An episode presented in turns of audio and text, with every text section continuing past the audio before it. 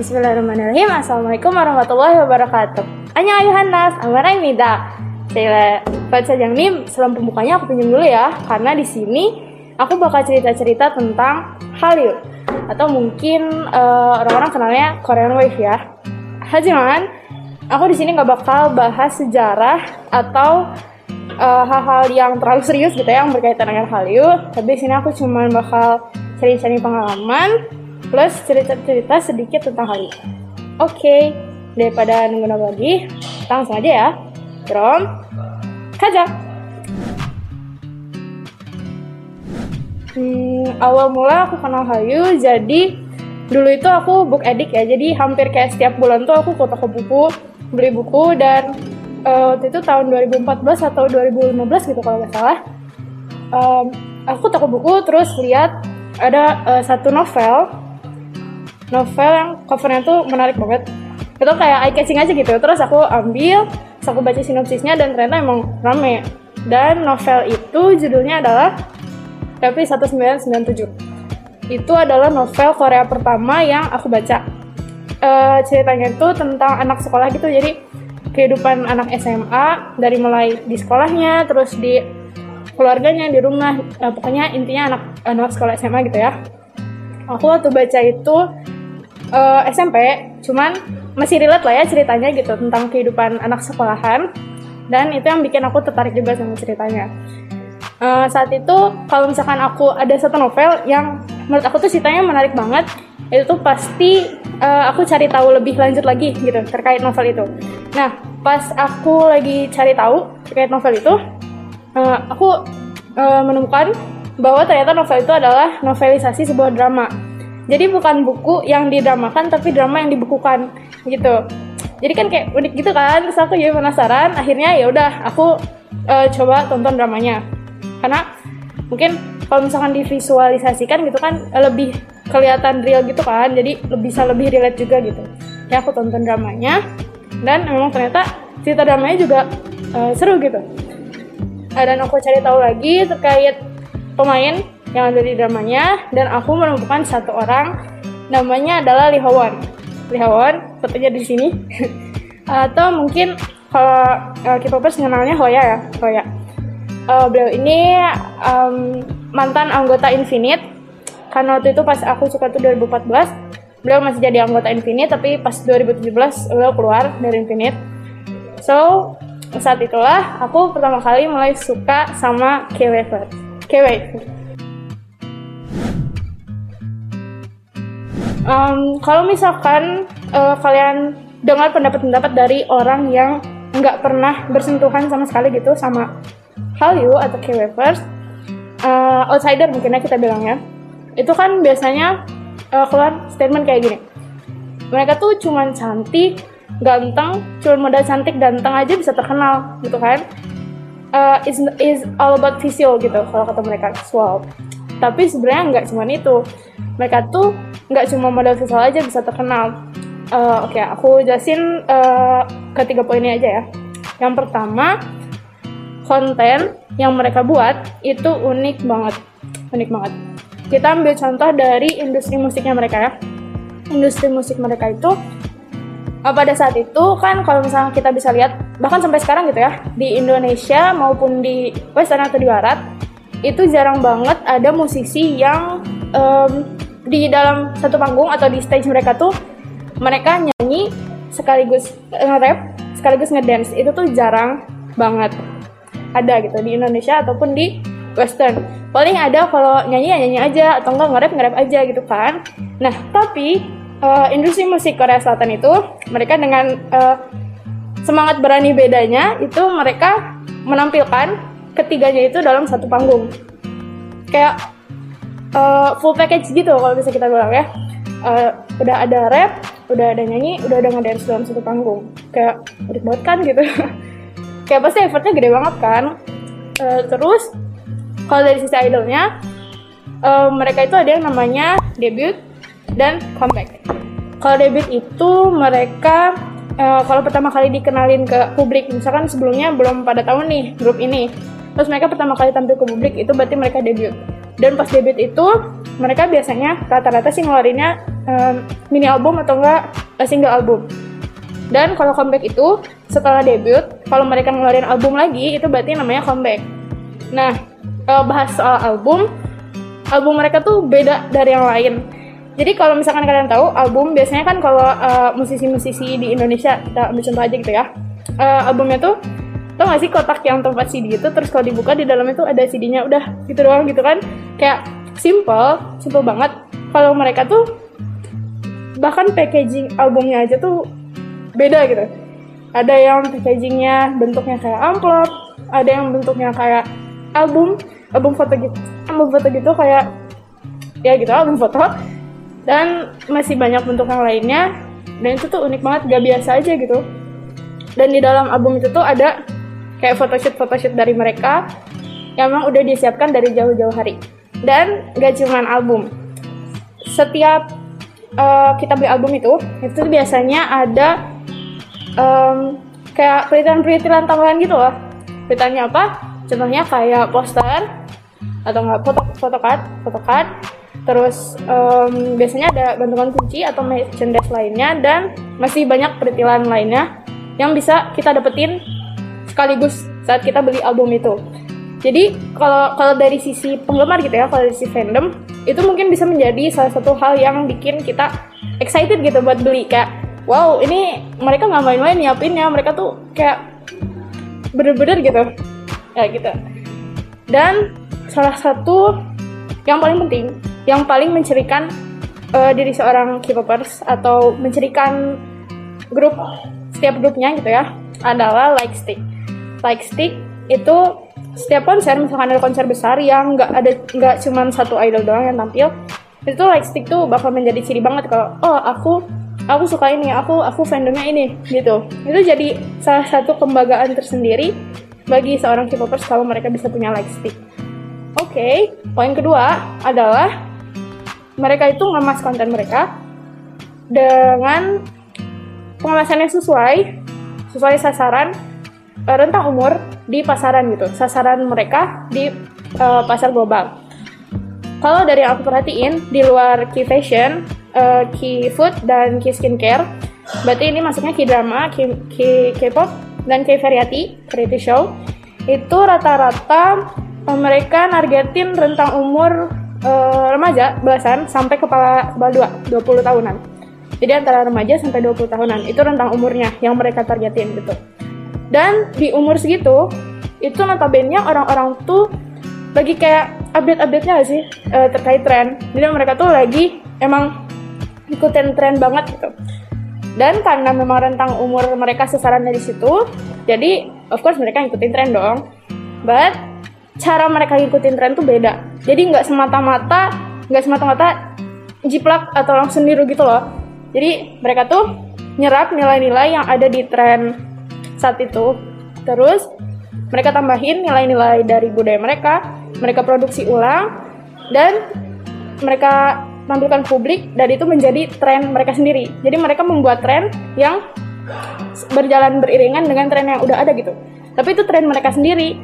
Jadi kayak mm, itu unik banget sih kalau menurut aku gitu. Oke, poin ketiganya dan yang paling penting, mereka ini serius banget banget banget dalam mengelola industri kebudayaannya mereka. Kita ambil contoh dari uh, industri K-drama, dari drama. Um, orang-orang yang orang-orang Indonesia ya terutama yang sering nonton drama itu padahal drama itu kan basicnya tuh sinetron kalau di sana. Kalau di sana drama tuh semacam sinetron. Tapi orang-orang Indonesia yang nonton drama mereka merasa kayak ini nggak bisa dibilang sinetron. Kenapa? Karena kalau kita lihat di sinetron Indonesia sendiri itu kan, itu tuh kayak setiap ada yang viral, uh, sinetron satu nih misalkan viral, viral banget banyak banget yang suka, itu tuh episode tuh suka dipanjang-panjangin sampai kayak ribuan episode, puluhan ribu episode bahkan itu kayak hmm, kayak gimana gitu ya.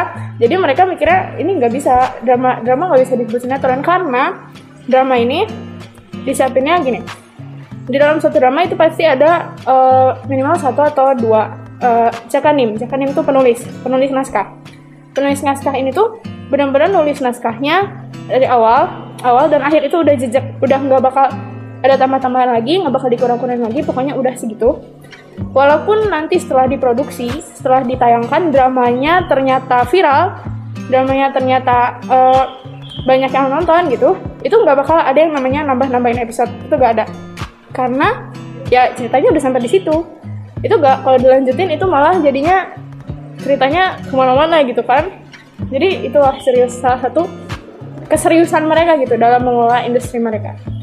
Kalau misalkan digaris besarkan dari tiga poin tadi itu intinya mereka itu berusaha banget manfaatin apa yang ada apa yang mereka punya gitu. Uh, eh, SDM mereka kebudayaan mereka semuanya itu mereka manfaatkan dengan baik. Jadi mereka sebisa mungkin nggak um, menyerap atau nggak ambil nilai-nilai dari kebudayaan luar tapi mereka me menampilkan gitu jati diri mereka sendiri. Kayak ini tuh kita loh ini tuh Korea Selatan loh gitu. Um, kalau misalkan kalian punya teman yang K-popers atau uh, K-dreamers, K-popers pokoknya intinya yang suka Korea ya itu pasti kalian pernah dengar statement kayak gini. Aku nggak berlebihan kok uh, K-popernya K-popannya atau aku nggak berlebihan kok nonton dramanya.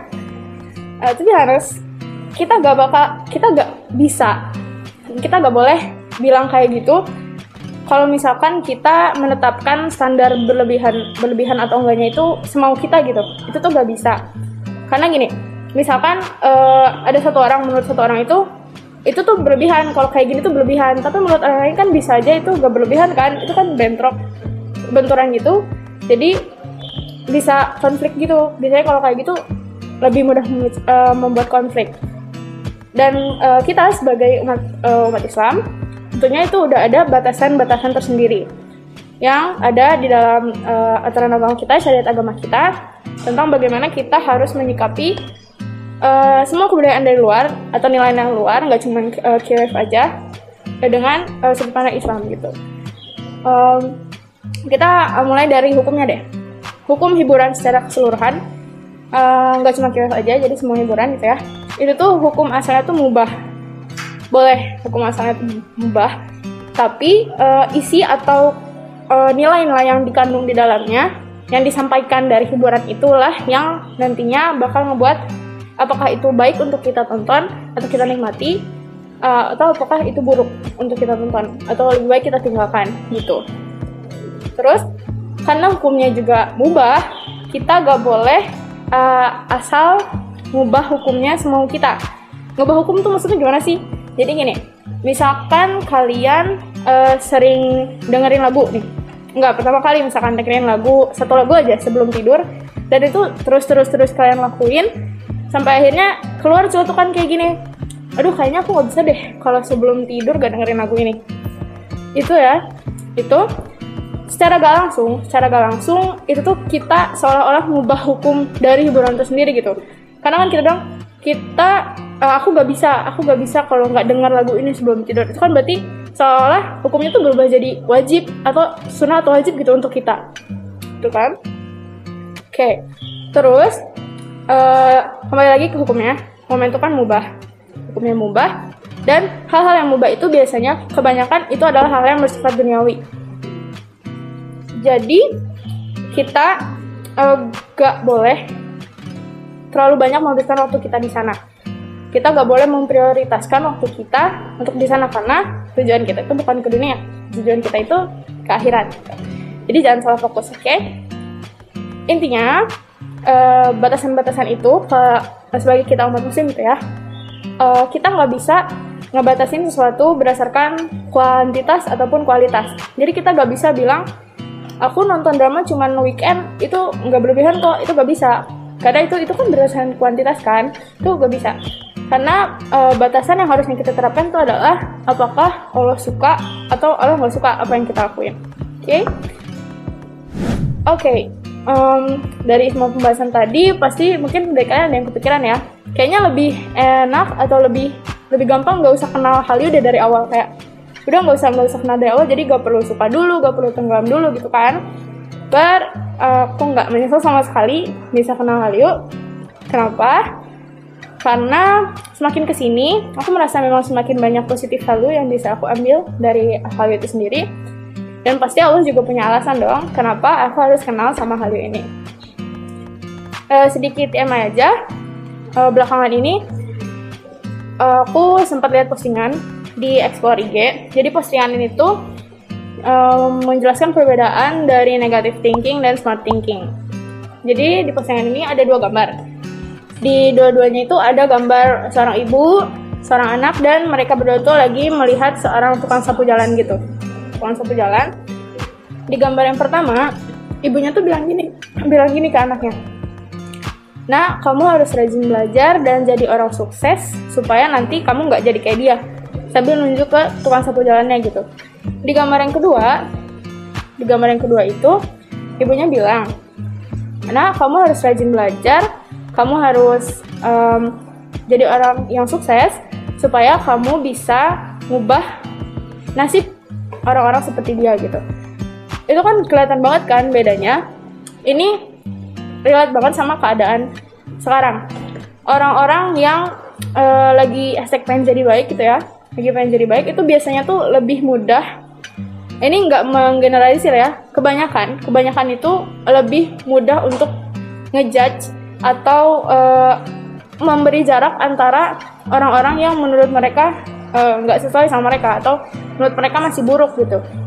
Uh, sering keluar kata-kata kayak gini uh, ih kasihan ya orang kayak dia atau ih aku nggak mau ah deket-deket sama kamu nanti aku ketularan gini dan dan kata-kata toksik lainnya nah aku juga gedek sih dengan kata-kata kayak gitu dan menurut aku itu adalah sikap yang sangat tidak tepat untuk dilakukan atau dikatakan oleh orang-orang yang hashtag pengen jadi baik itu tuh gak tepat banget karena seharusnya mereka itu terus berprogres terus uh, menjadi lebih baik lagi dengan harapan mereka nantinya bisa memberikan manfaat dari kebaikan itu untuk yang lain dan bahkan mengajak yang lainnya untuk ikut menjadi lebih baik gitu.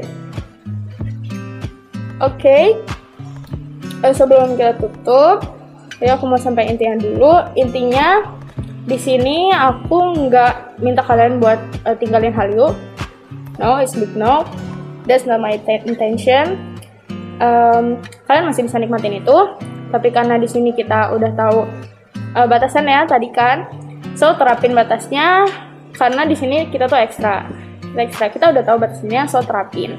Siapa tahu kan nanti uh, kita bisa manfaatin apa-apa hal-hal yang baik dari KWF ini untuk dakwah kita sendiri gitu.